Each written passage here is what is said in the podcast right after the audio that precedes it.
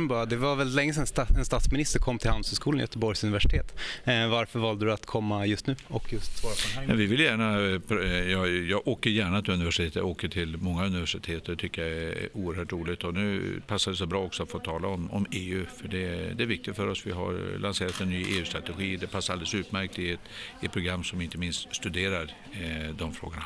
En fråga som har kommit från Handelshögskolans studenter rör också TTIP och eh, den kritik som som har riktats mot det avtalet och att mycket har skett bakom stängda dörrar och att kanske lobbyister har haft mer att säga till om än folkvalda. Eh, vad är din syn på det, just på temat att, att EU ska vara till för folket? Ja, det, för det första så stämmer det inte att det är slutet.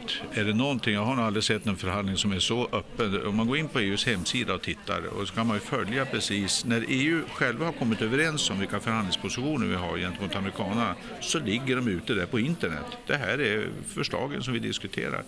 Så jag tror det är få sådana här processer man, man kan säga har varit ändå så pass öppna.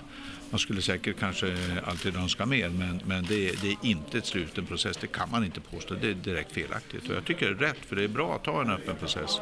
Men sen kommer alla uppgifter i en förhandling aldrig kunna vara tillgängliga precis när de kommer upp. Alltså så fungerar det inte men den här är faktiskt relativt öppen, jag vill påstå det.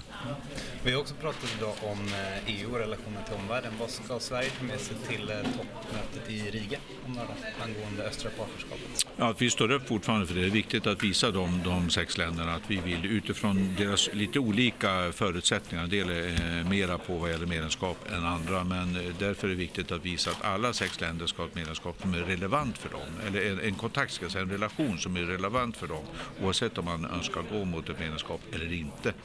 Men det är oerhört viktigt för EU att ha bra, bra eh, kontakt med, med, med våra länder i, i de östra delarna och därför kommer jag också prioritera att åka till Riga. Jag hoppas att många regeringschefer och, och statschefer gör det. Eh, har eh, situationen i Ukraina och Rysslands agerande påverkat inställningen och förhållningen eh, som ni tar med er in? Vi har ju varit eniga länge politiskt i Sverige med att betydelsen av att, att utveckla det östra partnerskapet och, och det, det, tänker vi hålla i. Men det är klart att jag, jag tror för flera länder, inte minst Ukraina, så är det ju, är det ju oerhört viktigt just i denna stund att EU står upp för. Eh, vi, vill, vi vill fortsätta eh, detta. Det är ju det är på grund av deras önskan om en utveckling mer mot väst, EU. Det är därför EU eh, har den här aggressionen i Ukraina. Det är inte eh, alltså först och främst för ett visst territorium. Det är inte det som är avsikten, utan avsikten är att skapa en instabilitet i Ukraina så att man inte ska kunna ta den här vägen. Och vi menar att vi måste stå upp för varje lands rätt att bestämma över sin egen framtid.